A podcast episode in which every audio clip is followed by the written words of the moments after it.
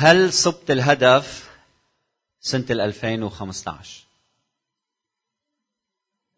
هل صبت الهدف سنة 2015 الإنسان الناجح هو الإنسان يلي بحط هدف قدامه وبيسعى إنه يحققه صح؟ المؤسسة الناجحة هي المؤسسة يلي بتحط هدف قدامها وبتسعى إنه تحقق الهدف. شو الفرق بين مؤسسة ناجحة ومؤسسة مش ناجحة المؤسسة المش ناجحة هي مؤسسة ما عندها هدف عايشة بلا هدف شو الفرق بين الإنسان الناجح والإنسان المش ناجح الإنسان الناجح هو إنسان بحط هدف معين وبيسعى إنه يحققه الإنسان الناجح هو الإنسان يلي بحط هدف وبيطلع من بعد فترة آخر السنة وبقول وين نجحت؟ وين سقطت؟ وين رسبت؟ وين عملت منيح؟ وين ما عملت منيح؟ كيف فيني أحسن؟ كيف فيني أضطر؟ كيف فيني أعمل الأمور صح السنة المقبلة؟ شو هو هدف كل مؤمن بالحياة هلا عم أحكي مش عن هدف له علاقة بالوظيفة تبعك هلا عم أحكي عن هدف روحي شو هو هدف كل مؤمن بالحياة أنا حامل هلا قوس وسهم ولحتى تعرف حالك إذا صبت الهدف هلأ أنا إذا ما عندك هدف ما بتعرف حالك إذا صبت ولا ما صبت. لما بتحط هدف قدامك بتصوب عليه وبتطلق السهم تبعك تعرف إذا أنت صبت ولا ما صبت. فالإنسان يلي ما عنده هدف على طول بيصيب بيصيب لا شيء بيصيب لا هدف. فشو هو هدف كل مؤمن قبل ما نسأل إذا صبت الهدف صح؟ لما أقول لك صبت الهدف بدك تسألني أي هدف؟ شو هو هدف كل مؤمن؟ بعتقد هدف كل مؤمن هو أمر واحد أن يشبه يسوع المسيح. أمين؟ توافقوا معي؟ مش هيدا هدف حياتنا؟ إنه نشبه يسوع المسيح هو زهرة هالخليقة هو ذروة هالخليقة. يعني هو يسوع المسيح يلي كان دايما مع الآب لما تجسد وعايش بيناتنا لما نتأمل فيه كإنسان نقول أنا بدي أكون مثله بدي أتصرف مثله بدي أعمل مثله بدي أحكي مثله بدي أعيش مثله. هيدا هو الهدف من حياتنا صح؟ فهل أنت بال 2015 صرت تشبه يسوع المسيح أكثر؟ نعم أم لا؟ هلأ لأنه حددنا الهدف عرفنا إنه الهدف هو أن أشبه يسوع المسيح صرت فكر أنا شو الأسئلة يلي ممكن نسألها لبعضنا البعض لتساعدنا نعرف إذا نحن فعلا عم نشبه يسوع المسيح أو صرنا نشبه يسوع المسيح أكثر وأكثر. قلت أنا ممكن السؤال يكون هل عم تقرأ بالكتاب المقدس؟ أو ممكن السؤال يكون هل عم بتصلي؟ لأنه هالأشياء بتساعدك إنك تشبه يسوع المسيح. من بعد ما كتبت لايحه من شي 12 وحدة بعدين حطيتهم على جنب قلت أنا هالسنة بدي أسأل ثلاث أسئلة من نوع آخر. يلي رح اطرحكم اطرحهم عليكم بهيدا الصباح. ثلاث أسئلة أنت وعم بتجاوب عنهم رح يساعدك الجواب تعرف إذا أنت هيدي السنة صرت تشبه أكثر يسوع المسيح. إذا بتحب تكتبهم عندك. أول سؤال هو هل سنة 2015 عشت لذاتك أم عشت للآخرين؟ لما تفكر بهالسنة اللي مرقت عليك هل أنت كان كل همك هيدي السنة كيف تسد حاجاتك تفكر بحالك بالك حالك؟ أو هل أنت عشت للآخرين؟ رب يسوع المسيح بيقول الحق الحق أقول لكم إن لم تقع حبة الحنطة في الأرض وتموت لتبقى وحدها. ولكن إن ماتت تأتي بثمر كثير. بعكس منطق هذا العالم عم بيقلنا المسيح إنه الحبه الإنسان إذا ما عنده استعداد إنه يموت ما بيقدر يعطي ثمر بملكوت الله. يموت عن حاجاته شهواته ملذاته غاياته. لما العالم يقول لك خذ يسوع المسيح شو بيقول لك؟ أعطيه. لما العالم بيقول لك روح وعيش. هاي الغنية اللي بتعرفوها يا صبابين الشاي زيدوا حالاته. يلي ما بيعشق وبيسهر لشو حياته. العالم بيقول لك روح عيش. يسوع المسيح بيدعيك للموت. من هيك ما حدا بيقدر يفهم هيدي الرسالة إلا الشخص يلي نعمة الله لمسته. ليفهم جوهر هيدي الرسالة. لما العالم بيقول لك خلص حالك خلص حالك. يسوع المسيح بيقول من أراد أن يخلص نفسه يهلكها. ومن يهلك نفسه من اجلي يجدها. ماذا ينتفع الإنسان لو ربح العالم كله وخسر نفسه؟ فيسوع المسيح عم يدعينا إنه نعيش للآخرين إذا بدنا نصير نشبهه مش نعيش لملذاتنا ولشهواتنا ولرغباتنا للامور اللي بدنا إياها. وكأنه عم بيقول لنا الطريقة الوحيده لتربح هو من خلال الخسارة. الطريقة الوحيدة لتعيش وتثمر من خلال استعدادك أن تموت من أجل الآخرين. مش المقصود فيها تروح تفجر نفسك. مش المقصود فيها تروح تقتل غيرك. مقصود فيها يكون عندك استعداد تقول أنا بدي اقتل الانا اللي فيي لحتى غيري ينجح ويتبارك ويتغذى ويصير أفضل مني ويتبارك وينمى إلى آخره. عمليا شو يعني أنا؟ شو يعني أنا؟ ما بدي أعيش لملذاتي وشهواتي. عمليا شو يعني؟ ما بدي أفكر إنه العالم موجود ليخدمني إنه الآخر تزوجته ليخدمني إنه اولادي موجودين ليخدموني. كيف عمليا هيك؟ بدي أخبركم قصتين من الكتاب المقدس.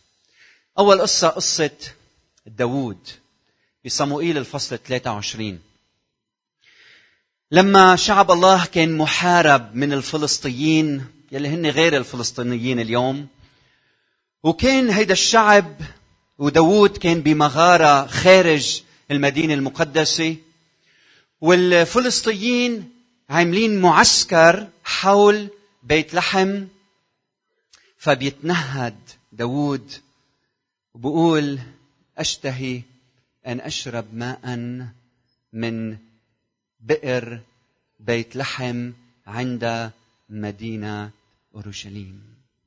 فلما تنهد واشتهى هالشهوة في ثلاثة من القادة من الجنود تبعه الأبطال لما سمعوا هالخبرية اللي بيقولوا اخترقوا العسكر وراحوا على بيت لحم وجابوا له مياه من بيت لحم. فرجعوا لعند داوود وعلى المغارة وعطيوه المياه بيمسك داوود المياه وبيطرح بالمياه على الأرض وبيقدم المياه تقدمة أمام الرب ويقول يا رب لا يحل أن أفعل هذا الأمر كمن يشرب دم رجال خاطروا بنفوسهم من أجلي. كان عنده هالقدرة وقدام هيدي الشهوة يلي بده يشتهيها إنه ما يشرب من هالمياه إلا أنه ما بده غيره ينحط بوضع خطر من أجله.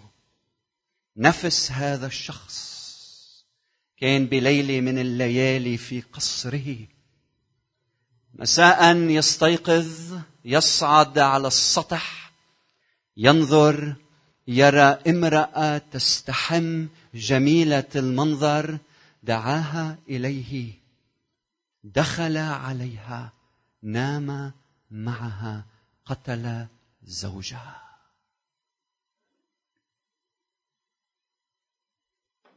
وهيدا الفعل غير تاريخ شعب بكامله. شهوة هذا الرجل أثرت على مئات آلاف الناس من بعده. كل فعل تقوم به من أجل شهواتك وملذاتك تكتب تاريخ بعيد عن الله. وكل فعل تقوم به فيه موت عن ذاتك وملذاتك. يكتب الله تاريخ يشهد فيه عن أمانتك. مثل هيدي الامرأة يلي طرحت كسرت قارورة من الطيب وإلى المسيح كل ما يبشر بهذا الإنجيل قال يتذكر عما فعلت هذه تذكارا لها. بدي أسألك بهذا الصباح هل أنت بال 2015 كنت واعي لأهمية أن تعيش من أجل الآخرين أم عشت لذاتك السؤال الثاني يلي الرب بده يسألنا إياه اليوم هو هل حاولت إنك تقود سفينة حياتك أم دعيت المسيح يقود سفينة حياتك؟ صعب الموضوع. لأنه نحن بنحب نقود حياتنا مش هيك؟ ونعم ناخذ قراراتنا. بس كيف هيدي الحبة الميتة بتقدر تقود حياتها؟ فهيدا المنطق يلي اجى فيه يسوع المسيح منطق صعب. من هيك واحد بده يكون على رفعة روحية معينة ليقدر يفهم المقصود. هل أنت قدت حياتك هيدي السنة؟ ولا دعيت المسيح يقود حياتك؟ ما فيك تصير تشبه يسوع المسيح إذا أنت عم بتقود حياتك. بدك روح المسيح يسكن فيك لحتى يقود حياتك. عمل الروح ما بيتحقق بالإنسان إذا متكل على جسده. فكروا بإبراهيم. يلي كان بده ولد. ومن بعد ما أحبط الله كل محاولات الجسد. من بعد دخل الروح وأعطاه ولد من سراي يلي هو ابن الموعد. وكأنه عمل الروح ما بيشتغل فينا إلى أن يستسلم الإنسان قدام الله. هيدا السر عجيب. إذا أنت بدك معجزة بحياتك يجب أن تستسلم لمشيئة الله. سنة يمكن كانت مليئة بالنشاطات بالخدمات أمور عملتها بقوتك. بدك الله يشتغل بحياتك؟ خلي الروح يعمل فيك وأنت استسلم استسلم له. ساعتها بتختبر دائما معجزاته معجزاته. سمعت قصة لرافي زكرياس. مين بيعرفوا لرافي زكرياس؟ سامعين عنه؟ لاهوتي كتير كبير ومدافع مسيحي. لما كان عمره 25 سنة راح على الفيتنام من كندا لحتى يبشر بيسوع المسيح ويشهد. لما وصل هونيك كانوا محضرين له فريق لحتى يروح على أماكن متعددة يوعظ وحطوا معه شاب عمره 17 سنة اسمه يان يترجم له من الإنجليزي للفيتنامي. فراحوا بشروا وعظ وصار في نهضة بخبر. عن من خلال هالاختبار هيدا. ومن بعد ما صار في هالنهضة وبشر وخدم اجى الوقت بده يرجع فيه على كندا بيغمروا ليان صديقه بيقول له إلى اللقاء وإن شاء الله بنتلاقى وهيدا كان سنة 1971 ورجع على كندا. من بعد 17 سنة بدق التليفون رافي قاعد ببيته بيلقط السماعة وبرد. مين بيطلع؟ يان. يطلع يان. بيقول له يان رافي؟ قال له إيه مين معي؟ يان. يان! شو عم تعمل يا يان هون؟ قال له خليني أخبرك شو صار معي. من بعد ما أنت فليت ودخلت الشيوعية على الفيتنام كمشوني وحطوني بالسجن بسبب إنه أنا فكروا إنه لأنه أنا بترجم للأمريكان صرت أنا عميل أمريكاني. فحطوني بالسجن وهونيك عذبوني همشوني ضربوني. وكانوا يقروا علي كارل ماركس بالفرنساوي وبالفيتنامي وما يخلوني أقرأ إنجليزي. فمرقت بظروف صعبة جدا صعبة جدا. ويوم من الأيام جيت باستسلام ويأس. قلت له لله أنا ما بقى بوثق فيك. أنا ما بقى عندي إيمان فيك. وأنا ما رح بقى أصلي. وما بقى بعرفك. فبنام بيوعة النهار قائد السجن بيقول له بدي إياك آه، تروح وتنظف حمامات. مراحل الحمامات. وراح وكان عم بفضي عنده عشر عشر سلات للوسخ. فهو عم بفضيهم وعم ببعد راسه من الريحة. اللي بيقول شاف ورقة مكتوب عليها باللغة الإنجليزية. فأخذ هيدي الورقة مسحها وضبها بجيبته ورجع على أوضته على غرفته بالسجن. وتحت الناموسية ضوى الضوء فتح هيدي الورقة وطلع عليها شاف على فوق على ميلة اليمين رومية الفصل الثامن. وبلش يقرأ كل الأشياء تعمل معا للخير للذين يحبون الله. من سيفصلنا عن محبة المسيح؟ أشدة أم ضيق أم اضطهاد أم عري أم سيف أو موت؟ اللي هو عم يقرأ نزلت دمعته. وقال له يا رب معقولة؟ نهار واحد ما قبلت إني اعيش من دون ما تكون عينك علي. فبينام يان بيوعى نهار وبيقول له لقائد السجن بيقول له في مجال اليوم كمان روح نظف حمامات؟ استغرب وقال له إيه روح نظف حمامات. فراح وهو عم يطلع بسلات المهملات بنفس المكان شاف ورقة تانية بالإنجليزي. أخذها مسحها ضبها وراح على غرفته فتحها وطلع مكتوب عليها رومية الفصل التاسع. والظاهر إنه قائد هالمعسكر اجاه كتاب مقدس وهو لأنه شيوعي وبيكره المسيحيين قال بده يستخدمه في الحمام. فكان هو كل يوم عم يستخدم ورقة وخينا يان كل يوم عم يتأمل بكلمة الرب. من بعد كم يوم بعد فترة صغيرة ببلشوا يحضروا حالهم هالأشخاص هودي وبيقرروا يان والفريق والناس اللي معه إنه يهربوا من السجن. وما كان حدا عارف إلا هالمجموعة. فبيقرروا مع بعضهم بالتاريخ والوقت المعين اللي بدهم يفلوا فيه يهربوا فيه وعملوا قارب وبدهم يروحوا بالمياه. وقبل بنهار واحد بيجي أربع جنود عليه ليان وبيمسكوه بيقولوا له هيئتك أنت بدك تهرب. قال لهم أنا؟ لا لا أنا ما بدي أهرب على محل.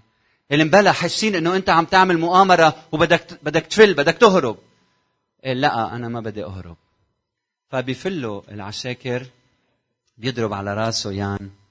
بقول كمان مرة عم جرب قود حياتي لوحدي. سامحني يا رب إني كذبت. وإذا بدك ياني قول الحقيقة ارجع جيبهم لعندي. وبقول بقصته كيف إنه هي أول مرة حس هالقد الله بيستجيب للصلوات؟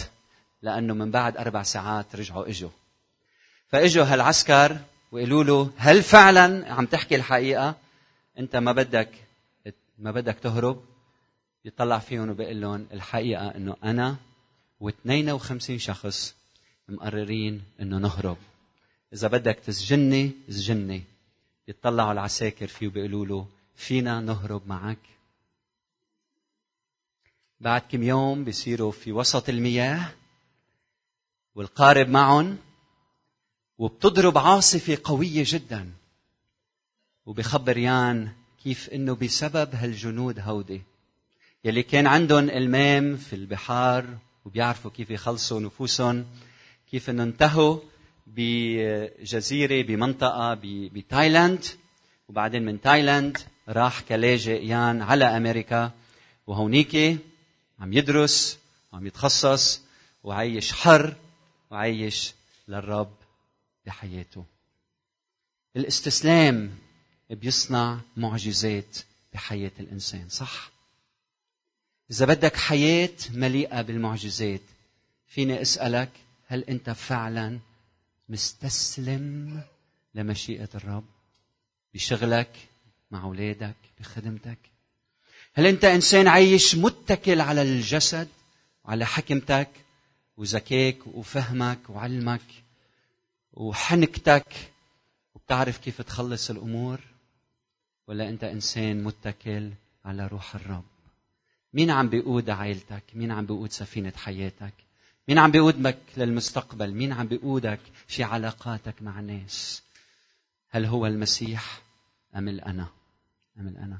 صلاتي إنه كل واحد منا من بعد ما يقيم ال 2015 يقول يا رب من هلأ وطالع بدي أستسلم لإلك وبدي أنت تقود مسيرة حياتي. السؤال الثالث يلي بحب إنه نسأله هو هل حبيت أو أهملت الذين وضعهم الله في حياتك هل حبيت أو أهملت الذين وضعهم الله في حياتك؟ المحبة مرتبطة بإنكار الذات. كل فعل محبة هو فعل إنكار للذات صح؟ ما فيك تحب محبة مسيحية إذا ما عندك استعداد إنك تنكر نفسك. إذا أنت بدك تشبه يسوع المسيح وهيدا الهدف السؤال اللي بدك تسأله قديش أنا حبيت؟ صح؟ قديش أنا حبيت؟ السؤال هو مش قديش أنت حبيت. البعيد يلي بتشوفهم على الطريق. قديش أنت حبيت يلي بالمعسكر؟ سؤال لما تكون أنت في قصرك. لما تكون أنت في قصرك قديش أنت بتحب؟ يعني قديش انت بتحب القريب من زوجتك زوجتك زوجك أولادك أمك بيك. هالأشخاص يلي قيمتهم يلي انت موجود أو انت اللي انت عليه بسببهم هن بسببهم هن قديش انت فعلا حبيتهم. كم مرة قلت لها لزوجتك بال 2015 بحبك؟ كم مرة قلت لزوجك بدي أكرمك وبدي أقدرك انت زوجي انت رأس هيدا البيت. كم مرة يا أولاد قلتوا لأماتكم وبياتكم نحن قديش كم مرة قلنا لأماتنا وبياتنا قديش بنحبهم وبنقدرهم قيمة الإنسان بالأشخاص اللي حواليه. بعثت للمجلس الكنسي فيديو عن تيد توك واحد عم يخبر عن نتيجة أبحاث صارت على مدة 75 سنة بجامعة هارفارد. رافقوا أكثر من 600 شخص من عمرهم 15 سنة لماتوا وبعد في منهم 20 واحد بعمر التسعينات. وعم يسألوا شو سر السعادة والفرح. وبتتفاجئوا إنه ولا المال ولا الجاه ولا الغنى ولا المراكز. الجواب هو العلاقات الحميمة. يلي بتخلي الإنسان يستمر.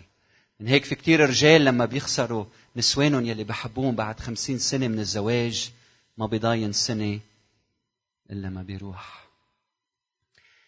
تعلمت هالشي وعم اتعلمه كل يوم بصعوبة. يعني اختبرت شي مر بتذكر السنة الماضية مثل هالوقت. في عنا طالب بالكلية اسمه كالو. ما بعرف إذا بتتذكروا لكالو يمكن درستوا معه. كالو شاب سوداني لطيف جدا مزوج إشراقة. وكنت لما أتغدى أنا وياه كنت أنا مرشد روحي تبعه فكنت أقعد أنا وياه ست مرات بالسنة ونحكي عن حياته ويخبرني كيف الحياة بالسودان وأفكار وآراء وأشياء حول التقاليد تبعه. فبنينا صداقة حلوة مع بعض.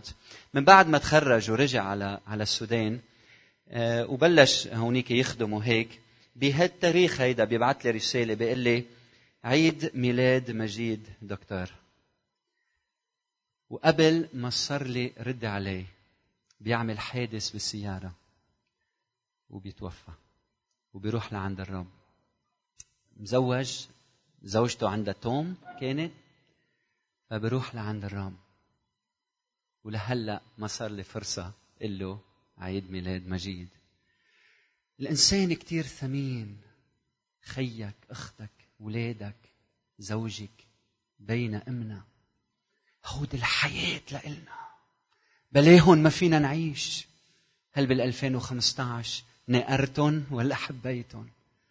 هل عصبت عليهم ولا خدمتن؟ هل استخدمتن لملذاتي وأنانيتي ولا هل أعطيتن؟ بدي أحضركم فيديو. رح تحضروه بلخص اللي عم قوله عن محبة المقربين لإلنا. احضروا بنرجع بنصلي مع بعض ونطلب انه الله يتعامل معنا. My mom would be at all my sporting events. Let's say I was playing football, okay? My mother would be on the sidelines, and if the play on the field started going one way, my mother would run along like, Mike, get him, get him! I'd be like, oh my gosh. I'd get in the huddle with the other guys, they go, Mark, is that your mother? I go, no, I never saw her before in my life. See, the greatest gift my mother ever gave me, she believed in me. I have overdosed on drugs on three occasions where I should have been dead. But I believe I was kept here for a reason. You show me your friends, I will show you your future. How do I know this? I hung out with losers and I became the biggest loser of them all because I gave up everything I dreamt about as a little boy because of who I chose to surround myself with. My friends would drive me home at two, three, four in the morning. We'd be drunk and high, laughing in the car. We'd pull up in front of my house in New York. They go, Mark, Mark, the light's on. I go, oh man, my mother's up. See, my mom wouldn't go to bed until she knew her son was still alive. I'd walk in, she'd say, hi Mark, how was your night? I go, good, mom. I'm just going to go to bed. She goes, can I, can I talk to you for a minute? I go, mom, I'm tired. I'm just going to go to bed. She goes, Mark, I haven't seen you all day and all night. Can I please talk to you? I said, man, just leave me alone. You bug me. I'd slam my bedroom door on the one person who believed in me. I was on a worldwide tour and we were wrestling overseas in Japan. After my wrestling match, I went upstairs in my hotel room and I fell asleep. There was a knock at my door at three o'clock in the morning. I got out of bed, I looked through the safety window and I could see it was a Japanese promoter. So I opened the door and he said, Mark, you need to call home. There's been an emergency. I went and got the hotel room phone. I called back to the United States and said, hey, what's going on? They said, Mark, I don't know how to tell you this. I said, just tell me what happened. Of a sudden I started crying. They go, Mark, I can't tell you. I said, just say it. They said, Mark, your mother died. I just threw the phone down. I ran out of my hotel room. I took the elevator to the lobby, and when the doors opened up, I just ran out into the street. I mean, there was no cars, there was no people. It's three o'clock in the morning.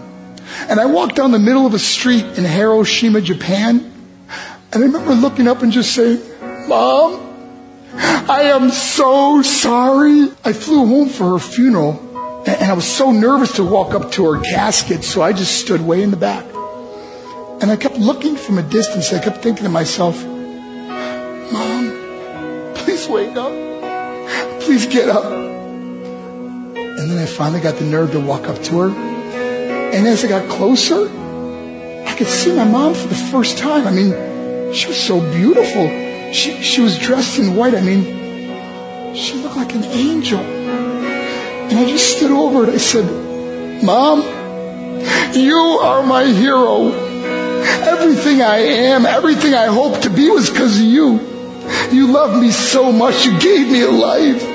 You're the only one that ever believed in me. How did I repay her? By getting drunk? By getting high? By getting stupid? By hanging out with losers? For what? All she ever wanted to do was talk to me. I wish I could talk to you now, Mom. I wish you could see what I'm doing. Why couldn't I have been a better son? We are defined by our choices. But if you surround yourself with people involved in drugs and alcohol and pills, it's a dead end. I'm not here to preach to you. I'm here to tell you I lived that life. It leads to broken hearts, broken relationships, broken dreams, and death. For what? To get high? If you have a mother or a father, when you go home, tell them how much you love them. See, my whole life was about being rich and famous. I had to be a millionaire. I had to win the race. I had to win the race expense my marriage, my family, my friends. For what? To be all alone in the world? I learned what is truly important, and that is how precious this gift of life is and our families and how quickly it can be taken away. See, I no longer live in time. I live in moments. See, it's not what's in your pocket that matters. It's what's in your heart that truly matters. Love. Love is just a word until somebody comes along and gives it meaning. You. You're the meaning. قديش في اشخاص لما خسروا اماتهم عرفوا قيمتهم قديش في اشخاص لما زوج خسر زوجته إيه، قديش كنت هملها. تعوا ما نكون هيك. أمين؟ تعالوا نعرف قيمة بعض. تعالوا نعرف قيمة الأشخاص اللي الله بحطهم بحياتنا. خلونا نصلي مع بعض ونتابع الخدمة. هلأ الرب عم يحكي معنا. بدي أذكرك بالهدف. رسول بولس بيقول لأعرفه وقوة قيامته. وشركة آلامه متشبها بموته. كان بيعرف إنه الهدف من حياته إنه يعرف الرب يعيش للرب. يشبه الرب ويشبه موت اللي مات المسيح. تضحية كاملة استعداد إنه ادفن الذات من أجل الآخر. قديش صعب يا رب نعمل هيك. من هيك نحن تلاميذ يا رب نحن تلاميذ. كل يوم عم نتعلم إنه قيمة الحياة بالعطاء قيمة الحياة بتقدير الآخر قيمة الحياة إنه تكون أنت عم بتقود الحياة. لأنه كبشر ما فينا نعمل مشيئتك من دونك. صلاتي أنت بتعرف يا رب إنه اليوم يكون استسلام كل واحد منا قدامك. منتباهى بالقليل اللي بنعمله. لكن يا رب أعطيت ذاتك وما تبهيت. أعطيت نفسك فكرك حياتك شخصك.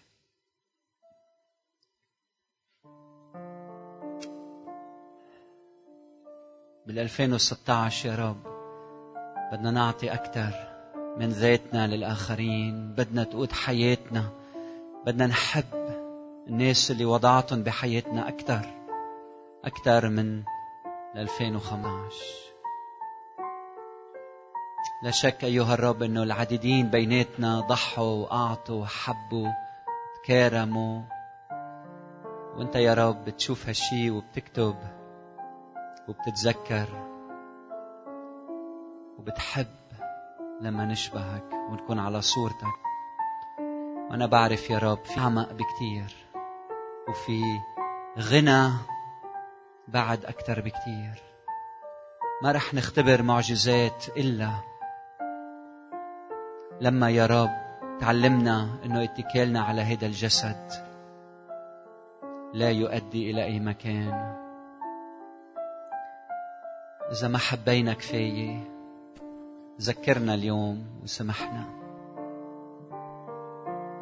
إذا ما أعطينا كفاية من مالنا سمحنا يا رب. إذا ما أعطينا كفاية من وقتنا سمحنا يا رب. إذا ما أعطينا مشاعر كفاية سمحنا. إذا ما أعطينا لطف سمحنا. سمحنا يا رب لما فكرنا بأنانيتنا وبشهوتنا. وبرغباتنا سمحنا لما سيرنا المجتمع وعشنا مثل الآخرين. وغرقنا بملذات باطلة زادت الفراغ بقلوبنا. سمحنا لما غرقنا بأدمان غير مقدس. ونسينا أنه نحن هدفنا أن نشبهك. من خلال أنه ناخذ حياتنا نقول لك يا رب بدنا إياها تموت لتعطي ثمر في الآخرين.